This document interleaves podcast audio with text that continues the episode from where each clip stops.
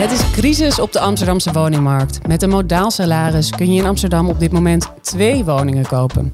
Een studio van 30 vierkante meter in Zuidoost of een kamer van 11 vierkante meter in West. Meer aanbod is er gewoon niet. Hoe kon de markt zo vastlopen? En wat betekent dit voor de generatie die op zoek is naar een eerste koopwoning? In Amsterdam Wereldstad, een nieuwe podcast van het Parool, bespreken we een Amsterdams fenomeen en geven we antwoord op de vraag: hoe zit dat eigenlijk? Mijn naam is Lorianne van Gelder. Welkom. Vandaag hier aan tafel Michiel Cousy, adjunct hoofdredacteur van het Parool, die jarenlang verslag deed van de woningmarkt en het boek Zakenprins schreef over Prins Bernhard junior. En hoogleraar economie aan de UvA en kenner van de Amsterdamse woningmarkt, Barbara Baarsma. Paroolverslaggever Rauna Kadari, die sinds een paar maanden moedige pogingen doet als starter haar eerste appartement te kopen in Amsterdam, schuift ook aan. Raunak, we beginnen met jou. Jij bent 28, werkt nu een paar jaar voor het Parool, hebt wat geld gespaard en dacht: nu heb ik voldoende om een appartement te kunnen kopen. Hoe vergaat je dat? Uh, rampzalig, ja. Uh, nee, om te beginnen, ik heb een fantastisch huurappartement. Daar heb ik ook eerder over geschreven. Ik heb een hele goede deal met mijn huisbaas. Als ik meer ga verdienen, ga ik meer betalen voor mijn huur. Maar onderaan de streep betekent dat wel dat ik nog steeds elke maand minimaal 1400 euro per maand aan huur overmaak. Dus jij wil graag kopen? Ik wil heel graag kopen, inderdaad. Ik wil een koophuis. Wat ben je zo al tegengekomen op de woningmarkt? Uh, nou, eigenlijk dat ik geen voet tussen de deur krijg. Dat is eigenlijk waar het op neerkomt. En wat ik laatst dus meemaakte, en daar schrok ik heel erg van... is dat ik een woning zou gaan bezichtigen. En die woning was in West. Um, nou, om, om en nabij de 4 ton, iets meer dan 4 ton. Um, en toen kreeg ik een mail van de makelaar een paar uur voordat ik die woning zou bezichtigen met uh, ja, je bezichtiging gaat niet door, want we hebben een superbod ontvangen. Een superbod? Ja, stond ook zo letterlijk in die mail, een superbod. Dus we hebben alle bezichtigingen gecanceld. Het huis is verkocht. Um, nou, dat is natuurlijk heel naar, eigenlijk gewoon rot. Alleen het is me daarna nog twee keer overkomen. En dan niet met het woord superbod, maar wel dat ik vlak voor een bezichtiging werd afgebeld. Maar ja, nee, helaas. Uh, het, is, het gaat niet naar jou. Dus je hebt nog geen woning kunnen zien eigenlijk. En dan is hij al weg. Ja, ja, daar komt het eigenlijk op neer. En ik weet wel uit verhalen van vrienden dat je echt heel snel moet gaan handelen. Als je een woning hebt gezien, dat je niet heel veel tijd hebt, dat je naar binnen en naar buiten moet en dan snel moet gaan bieden. Ben ik allemaal op voorbereid, kan allemaal, gaat allemaal lukken. Maar ik moet wel die woning kunnen zien. En heb je nou je standaarden inmiddels ook verlaagd? Ja. Dat hoor je ook vaak. Ik heb geen standaarden meer. Ik wil gewoon een koopwoning. Um, aan het begin begin je, en dat had ik ook toen ik zocht naar een huurwoning met, nou, ik wil een buiten, ik wil een balkon of ik wil in ieder geval een kiepraam. Dat, dat boeit me niet. Ik wil gewoon een huis waarin ik um, een koophuis waar ik mijn geld kan stoppen in plaats van het elke maand in een bodemloze put aan het gooien ben. Um, Zelfs een zolder is genoeg. Ik zou genoegen nemen met een zolder. Ja, sterker, een kennis van mij had dus een soort van bovenverdieping van nog geen 40 vierkante meter. En die zei, nou, die kan ik wel aan je verkopen met een constructie. En als je dan later meer geld hebt, dan kan je dat verbouwen. Want het was wel een groot dakterras dat je dan erbij kon verbouwen als je die vergunningen kreeg. Nou, zelfs dat, daar ging mijn hart sneller van kloppen. Dat ik dacht, nou, dat kan kopen. Alleen toen heeft dus de persoon die de woning, die de verdieping eronder heeft gekocht, dat er even bij gekocht. Um, nou, dus toen kreeg ik die ook niet. Ging weer aan je neus voorbij. Ja. Maar er stond heel lang een studio op de Albert Kuipstraat te koop. Dat was nog geen uh, 22 vierkante meter voor bijna drie ton. Ik ging toch even kijken of die niet nog steeds te koop stond. Ja, het is niet heel chill om op je 28 op een studio te gaan, in een studio te gaan wonen. Maar ja, ik wil wel gaan bouwen en ik ben nu niet aan het bouwen. Barbara, als je dit zo hoort, wat denk je dan? Ik vind het eerste, ten eerste heel erg rot voor je. Uh, want ik kan me voorstellen, je huis is zo belangrijk. Hè? Eh, een basis uh, van waaruit je bent. Gelukkig heb je wel een plek op de Amsterdamse ja. woningmarkt. Ja. Dus dat is al wat jou onderscheidt van sommige andere starters Zeker. die naar deze stad willen komen. Maar wat hebben starters nou? Waarom vis je steeds achter het net? Dat is eigenlijk omdat je uh, anders dan degene die al een plekje op die koopwoningenmarkt hebben, niet de overwaarde meeneemt in het bod. En daarom die super uh, biedingen waar jij last van hebt, waardoor je niet eens het huis kan zien, die maken dat je gewoon al niet 1-0, niet 2-0, maar wel 10-0 achter staat. Daar komt bij, het grootste probleem op de, op de Amsterdamse woningmarkt is de schaarste. Je geeft het zelf aan, er is nauwelijks aanbod. En um, nou, daar gaan we het straks vast uitgebreid over hebben hoe dat zo gekomen is. Maar een situatie waarbij je aan de ene kant nauwelijks aanbod hebt, aan de andere kant uh, je niet die overwaarde meeneemt omdat je al een plekje op de woningmarkt had. En tegelijkertijd je, we te maken hebben met een overheid die uit goede bedoelingen allerlei maatregelen neemt om de starter te faciliteren, bijvoorbeeld overdrachtsbelasting af te schaffen. Hè, per 1 januari 2021 voor starters, dat zijn mensen onder de 35, daar voldoe je nog aan. Ja. Een huis willen kopen dat minder dan 4 ton is. Zou je dan net aan voldoen? Eh, en er zelf gaan wonen voor langere tijd. Die hoeven geen overdrachtsbelasting te betalen. Nou, dat soort van dingen klinkt sympathiek. Maar wat gebeurt er met dat voordeel? Dat stop jij en jouw uh, collega-woningzoekenden collega-starters, storten dat meteen in een hoger bod. Ja. Dus waar leidt dat toe? Gegeven die krapte, gegeven dit gebrek aan aanbod, aan hogere, tot hogere prijzen. Zullen we even kijken naar die, die, die cijfers over de markt? Want die, die, die prijzen zijn inderdaad waanzinnig. Een woning in Amsterdam kost anno 2022 gemiddeld 560.000 euro. En in 2012, dus tien jaar geleden, was dit nog 230.000 euro. Dat betekent dus meer dan verdubbeld. Huizen worden op dit moment voor gemiddeld 12,5% boven de vraagprijs verkocht. Nou, dan kom je inderdaad in de buurt van die superbiedingen. In Zuidoost, een stadsdeel dat tot voor kort betaalbaar werd geacht, werden de huizen afgelopen jaar 10% duurder. Dus dat, dat zijn al cijfers waarvan je denkt: wauw, dit is zo'n overspannen markt. Ehm, en als je op Funda kijkt, krijg je dus ook amper, amper hits. Ehm, er is eigenlijk heel weinig aanbod. De politiek heeft het steeds over bouwen, bouwen, bouwen. Maar is het aanbod echt het probleem, Barbara? Nou ja, kijk even gewoon. Ik snap, hè, we, kijken Amsterdams, maar soms helpt het ja ook Amsterdammers om nog eh, om even buiten die, eh, die stadgrenzen te kijken. Als je kijkt naar Nederland, dan zie je dat daar de woningvoorraad, alle woningen die we hebben, is 60% koop, 40% huur. In Amsterdam is maar 29% koop. Dat is dus al vrij, eh, ja, het is gewoon heel weinig. Eh, en die, die voorraad is ook niet per se toegenomen. Tegelijkertijd zie je dat, met name in de financiële crisis, zijn we gewoon gestopt met bouwen eh, in Amsterdam. Overigens in grote delen van Nederland. Dus dat, dat, die, dat die jongeren, die, die zeg maar 35 minners, die hier naartoe komen, geen plekje hebben. Dat komt dus inderdaad omdat we één, al een heel weinig woningen hebben in de woningvoorraad. Koopwoningen bedoel ik. Ehm, en dat eh, eh, er ook nog eens de afgelopen jaren ongelooflijk weinig is bijgebouwd door de crisis. Eh, en dat maakt dat we nu, dat, dat jongeren, ik wijs even naar Reiner, echt heel ver achter staan. Ja, nou sterker nog, want het is niet alleen dat er weinig bijgebouwd wordt in koopwoning, maar het aantal koopwoningen is ook afgenomen de afgelopen jaren in Amsterdam. Terwijl er toch echt nieuwe eh, koopwoningen bij zijn gekomen. Dit is omdat partijen, beleggers, die woningen uit de markt halen en omzetten in huurwoningen om daar nou ja, in kamertjes eh, om te bouwen en dat dan per stuk voor de hoofdprijs eh, te verhuren. Dus het is inderdaad een probleem van vraag en aanbod. Dus een hele populaire stad waar weinig wordt bijgebouwd. Maar ik denk dat er nog een ander fenomeen is.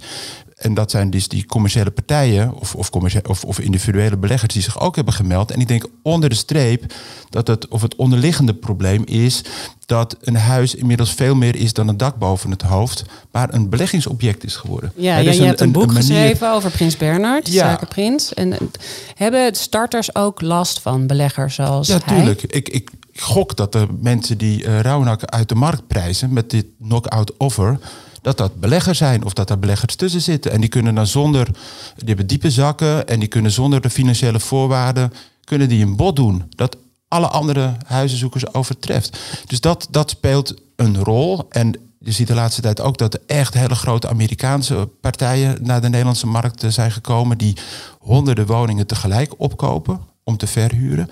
Dus ja, dat speelt een rol. Maar ik denk ook dat wat dat fenomeen dat ik net beschreef, van dat de woningen meer, nou ja, dat zijn winstmachines geworden.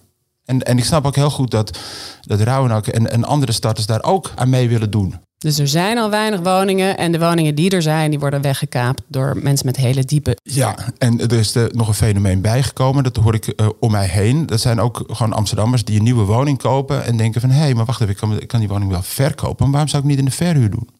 Eigenlijk wel gek om die woning te verkopen. En dat gebeurt. Dat zijn geen beleggers. Dat zijn Amsterdammers. Sommigen doen dat dan ook met het oog op hun kinderen. Hè. Dat hebben die alvast een woning. En dat is logisch, want het, daar zit rendement in. Maar voor de stad, dat doet wat met de stad. Met het aanbod van, van woningen. Ja. Is er een moment aan te wijzen dat het bijna onmogelijk werd voor starters om een huis te kopen? Wanneer het echt onmogelijk is geworden, is nou rond 2018, 17. Toen begon het echt nijpend te worden. De crisis was voorbij, dus je zag weer veel meer bewegingen komen op de huizenmarkt. En inderdaad, mensen dachten, ja, ik ga mijn huis niet verkopen, ik hou het lekker in de verhuur. Dus je zag dat het aanbod daar echt ging knellen. Op een gegeven moment was het zo dat uh, één op de vijf woningen die verkocht zijn in Amsterdam, die gingen naar beleggers. Maar er zijn, zijn er ook andere oorzaken die meespelen? Dat, uh, dat het zo ingewikkeld is geworden om een, uh, om een huis te vinden? Nou ja, wat, wat we al zeiden, vraag en aanbod uh, speelt een rol. maar ook denk ik, en dat, daar zal Barbara meer over weten dan, dan ik. Maar kijk, er, er gaat ontzettend veel geld stroomt er de woningmarkt op. Niet alleen van beleggers, maar ook van particulieren. Want de hypotheken die wij kunnen de hypotheekberg in Nederland is enorm. En de rente is heel laag. En de rente is natuurlijk heel laag, dus dat speelt een belangrijke rol. Uh, de hypotheekrente is daardoor ook laag en mensen lenen zich helemaal suf. Want dat moet ook wel, want die huizenprijzen zijn ontzettend hoog. Dus het houdt zichzelf in stand. En doordat mensen veel kunnen lenen en ook dat doen en risico's durven nemen, want die denken van nou, dat gaat toch nog wel uh, tien jaar goed met die, met die huizenmarkt. Ja, komt er, er, er stroomt gewoon ongelooflijk veel geld de markt op. En daardoor gaan die prijzen natuurlijk ook omhoog. En er wordt ook steeds moeilijker voor, voor ons zeg maar, om te kopen. Omdat ik betaal dus best wel een hoge huur, maar ik kan erdoor heel weinig sparen. Terwijl ik wel steeds meer eigen geld moet meenemen om zo'n huis te kopen. Dus waar de ander zeg maar dichterbij komt, gaat mijn segment zeg maar komt er verder vanaf te staan. Jij wil ook gewoon een graantje mee kunnen pikken van. Nou, dat zou fijn zijn, ja. Ja. Ja, maar nog los van het graantje meepikken. Ik denk je wil gewoon een fijn huis dat van jou is. Hè? Dus Zonder te hoge woonlasten. Ja, dat. En, en inderdaad, je wil niet. Uh, je, dan heb je liever als je toch 1400 euro per maand weg, uh, wegzet voor, om te wonen. Heb je liever dat dat ook een investering is en niet dat waarde oplevert. Maar dat is wel secundair, denk ik. Want je vooral op zoek bent naar een woning. Jouw woning. Uh, nou, vooral te investeren inderdaad. Oh, ja, nou, ik vind het okay. toch wel zonde dat uh, elke maand mijn geld naar niks dat gaat snap ik helemaal. opbouw. Dat snap ik helemaal. Um, en een hypotheeklasten die zijn vaak lager. Mijn hypotheeklasten komen uit op om en nabij iets meer dan 1000 euro. En dan ga ik er persoonlijk financieel mijn liquide middelen nemen toe. Maar dat bedoel ik. Je gaat er dus je, voor die 1400 euro zou jij veel meer woonwaarde kunnen ja. krijgen. Ja. En speelt het feit dat nou, Raunak zoekt alleen een huis, speelt het feit dat er steeds meer singles zijn, alleen persoon, één persoonshuishoudens? Ja, weet je hoeveel dat is? Ik heb dat eventjes op een lijstje gezet, maar Amsterdam, de eenpersoonshuishoudens, 54 procent. Ja. Gewoon buiten, de rest van Nederland 39 procent. En dat als meer dan de helft van de huishoudens is dus één persoon. Dat doet ook iets met. Hè, we hebben dus niet alleen een bouwopgave, maar ook een transformatieopgave. En uh, ik denk dat wat we hebben. Van het tijd, soort huizen bedoel ja, je? Ja, dus nou, dat is van kant, kantoren in de binnenstad. Zeker na corona is het misschien wel zo dat we minder kantoorruimte nodig hebben. Uh, misschien zijn er andere uh, gebouwen die we daarvoor kunnen gebruiken. Dus het is bouwen, maar ook verbouwen. En we hebben het de hele tijd over de krapte. Hè? Uh, en die kun je oplossen inderdaad door waar we het nu over hebben. Nieuw bouwen en verbouwen. Maar als je kijkt naar de Amsterdamse woningvoorraad... dan is er niet alleen heel weinig koopwoningen... maar er zijn vrij veel sociale huurwoningen. Uh, als je het vergelijkt Eén, met buiten Amsterdam. Maar twee, ook met het aandeel lage inkomens, waar die woningen voor bedoeld zijn. Dus een andere manier om uh, het aanbod te vergroten, is om een groter deel van die sociale huurwoningen beschikbaar te maken voor starters. Bijvoorbeeld met koop. Uh, lease-constructies, waarbij ze zich langzaam uh, eigenaar kunnen, laten, kunnen worden van, van de woningen. en, want nu zie je dat zo ongeveer 48% um, van de Um, van, de, van de mensen heeft een, ja, wat, wat je zou kunnen zeggen, uh, laag inkomen. Um, of sorry, dat is niet zo. Dat zeg ik, 30% heeft een inkomen tot de huurtoeslaggrens. Terwijl de woningvoorraad, de sociale huurwoningvoorraad, is 48%. Dus we moeten daar ook en de doorstroom op gang brengen. Ja. Uh, en anderzijds misschien toch ook een deel van die voorraad voor starters beschikbaar maken. Michiel, wat denk jij? Nou, ik ben het daar niet helemaal mee eens. Um, want ik denk dat dit ook zichzelf in stand houdt. Hè? Dus door minder sociale huur. De laatste, het aantal sociale huurwoningen, zoals zowel in absolute aantallen als relatief gezien, is afgenomen hè, de, afgelopen jaren. We zitten op minder dan uh, 50% inmiddels. We komen volgens mij van 70%. Maar daardoor komen lage inkomens uh, niet meer aan een huis. Die kunnen geen huis meer betalen. Je ziet ook dat heel veel middeninkomens uh, grote problemen hebben om in de stad te blijven. Jaarlijks vertrekken tienduizenden mensen de stad uit, onder, waaronder ook veel gezinnen. Hè. Dus dat, dat, die toename van die alleenstaande komt niet alleen doordat Amsterdam aantrekkelijk is, aantrekkelijk is voor singles en, en jongeren, maar ook doordat gezinnen geen volgende stap kunnen maken. Ik denk dat als. Ik, ik, ik zou, Barbara, zou je er tegenover staan als, als we zeggen van nou, we gaan juist meer sociale huurwoningen bijbouwen, maar we vergroten die inkomensgrens. Dus dat ook leraren, eh, verplegers, eh, jongeren die eh, hier in de creatieve sector werken, nog niet zoveel ervaring en inkomen hebben, dat die daar ook een beroep op kunnen doen. Want als je als ehm, onderwijzer al een paar jaar ervaring hebt, of je gaat samenwonen, dan kom je al niet meer in aanmerking voor een sociale huurwoning. Dus het is nu heel erg gericht op de allerlaagste inkomens. Ja, dat klopt. En ook je ziet dat dat aandeel eh, allerlaagste inkomens, dat is de afgelopen, laten we zeggen, sinds die, die echt heftige krapte eh, voor, voor starters er is, dus laten we zeggen 2017, 18, 17, zie je dat het aandeel lage inkomens echt constant in Amsterdam. Dat is niet afgenomen. Hè. Die, wie zijn de stad uitgejaagd? Zijn die middeninkomens. Uh, en dat komt ook omdat uh, tussen dat hele grote deel sociale huur, dat veel te kleine deel koop, zit een nog veel te klein deel middenhuur. Uh, en de, de starters die hier komen, dat zijn dan, hè, zoals jij, die dan in een veel te dure woning gaan zitten, daar dat geld elke maand weggeven aan iemand die dat lekker als huurbaas kan incasseren. En je wil dus juist een groter middensegment. Uh, het liefst zou je koop-lease-achtige dingen, waarbij je uh, mensen de kans geeft om een eigen woning te krijgen. Ik ben op één punt helemaal met je eens wat je zegt. Maak ook dat onderste segment meer toegankelijk, maak dat wat ruimer. Maar dan, dan zou ik bijvoorbeeld niet kiezen door daar met die woning iets doen, maar bijvoorbeeld met de, wat we nu hebben, de huurtoeslag. Die is nu. Maar dan heb je het over gebonden. huur, dan heb je nog steeds niet over koop. Ja, en over het opbouwen. We hebben van... gewoon, stel je hebt 100 huizen en dan moet je toch, je kan niet alleen kijken naar koop. Je, koop kan je ook vergroten als je iets met huur doet. Op dit moment blijven mensen zitten, omdat als ze uh, naar een, een duurdere woning gaan, omdat de huurtoeslag gaat per huis, niet per persoon. He, en dat, ik vind dus dat je die huurtoeslagen, die moet je subjectafhankelijk en niet objectafhankelijk. Dus niet van het huis, maar dus dat op het moment dat je verhuist, je niet meteen je huurtoeslag kwijt bent. En dat is die, of als je gaat samenwonen of wat dan ook.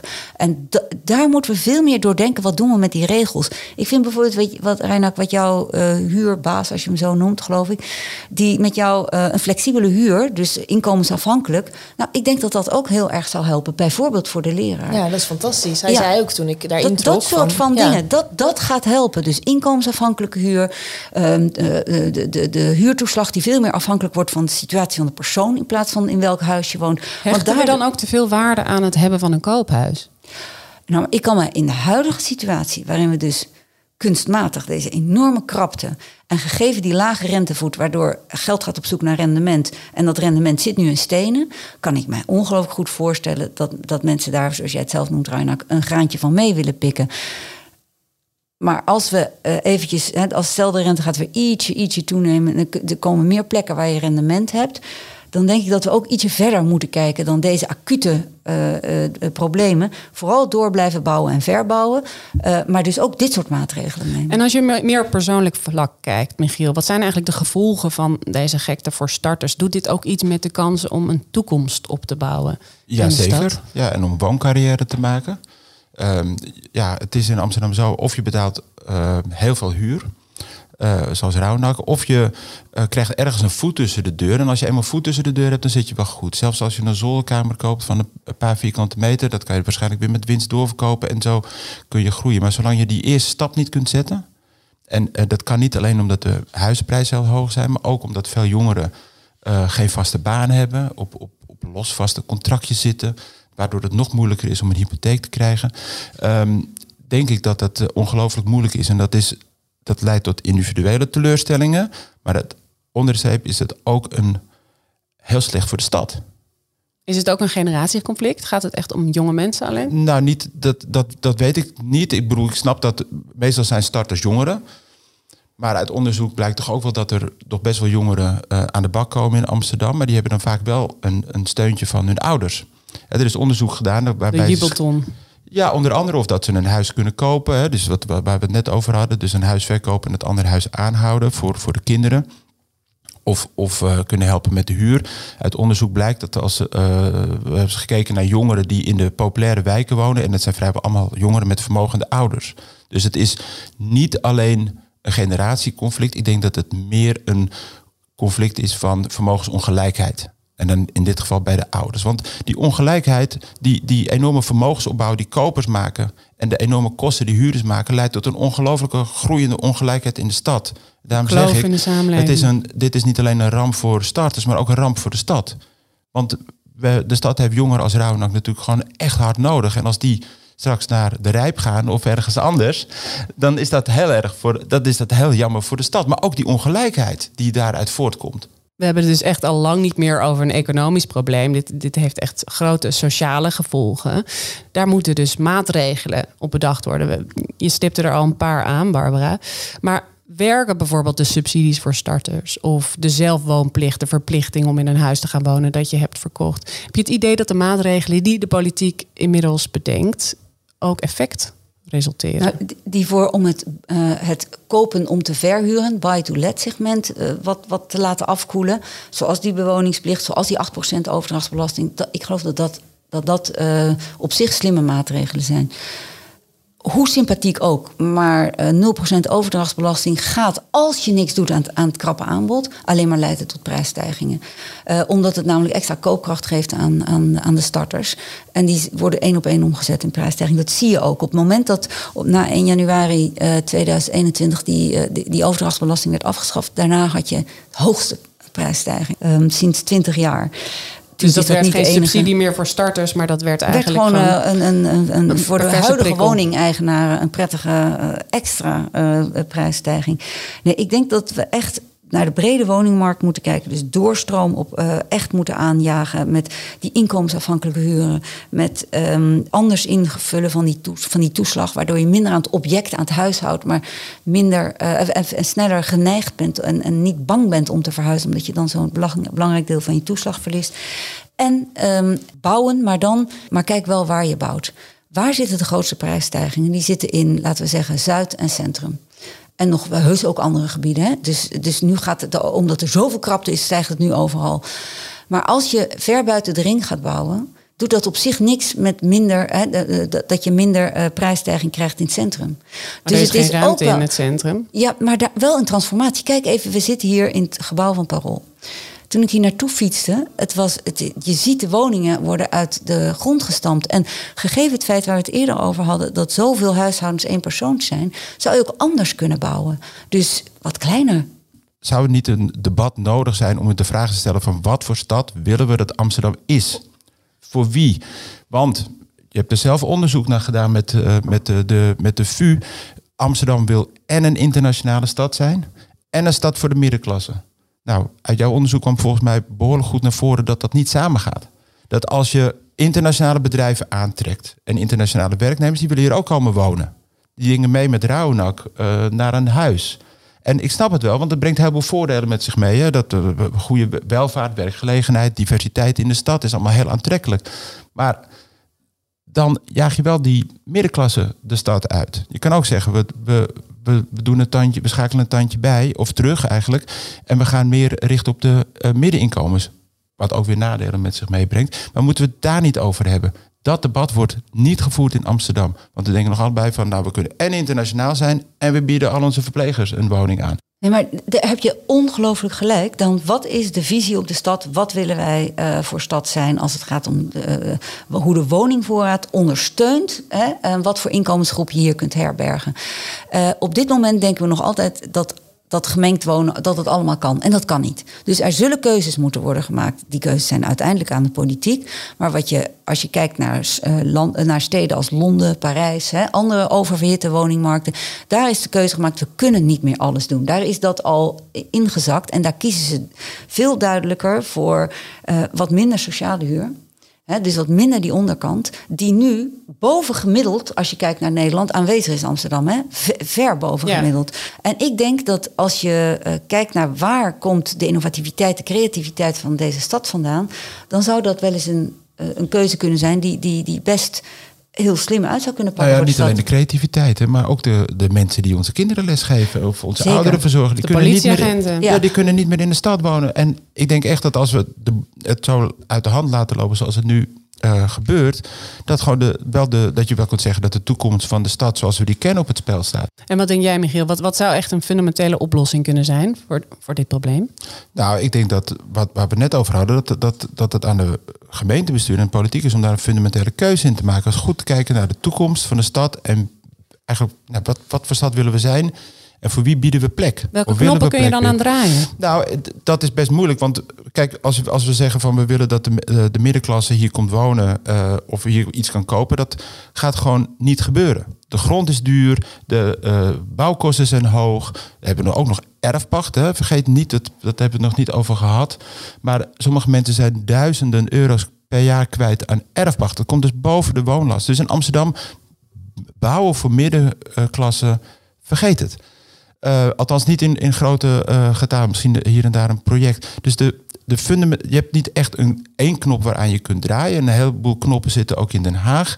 Afschaffen Eh, van de Nou, hypotheekrenteaftrek? bijvoorbeeld, maar echt de vraag stellen van... oké, willen we dit nog? Willen we ehm, al die internationale bedrijven aantrekken...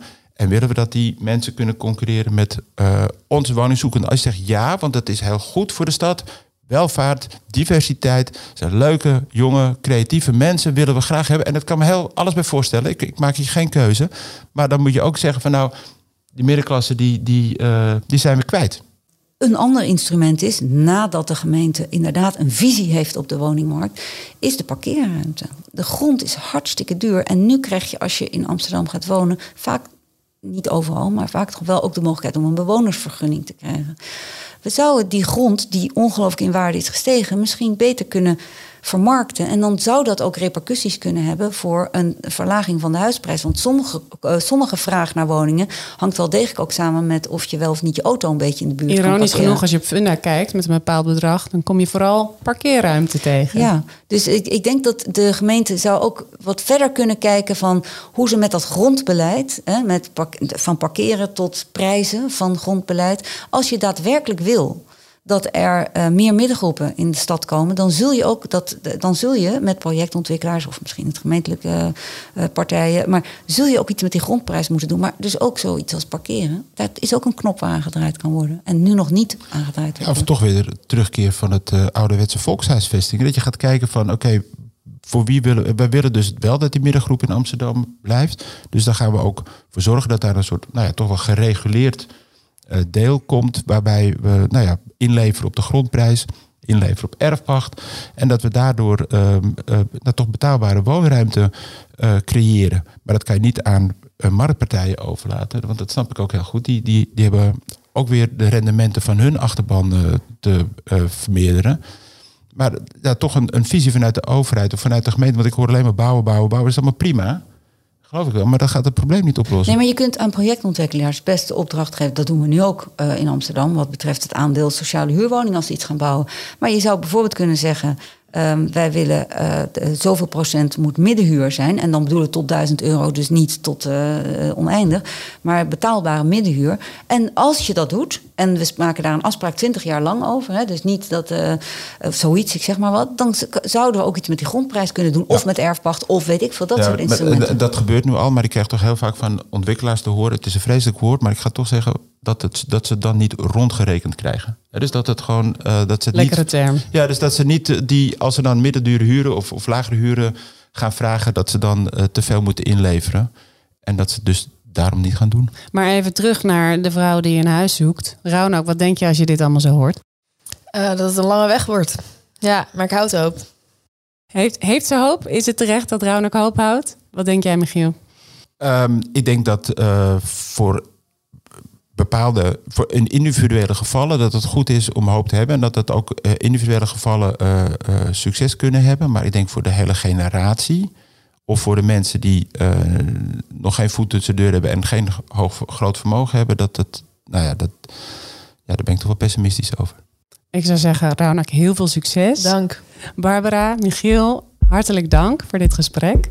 Dit was Amsterdam Wereldstad, een podcast van het Parool. Productie was in handen van Marley van Zochel, eindredactie door Josien Wolthuizen. Wil je nou reageren op deze nieuwe podcast of heb je een vraag? Stuur deze dan naar podcast.parool.nl. En vergeet je ook niet te abonneren op Amsterdam Wereldstad. Dan ben je meteen op de hoogte als er een nieuwe aflevering online staat. Hartelijk dank voor het luisteren. Tot volgende week.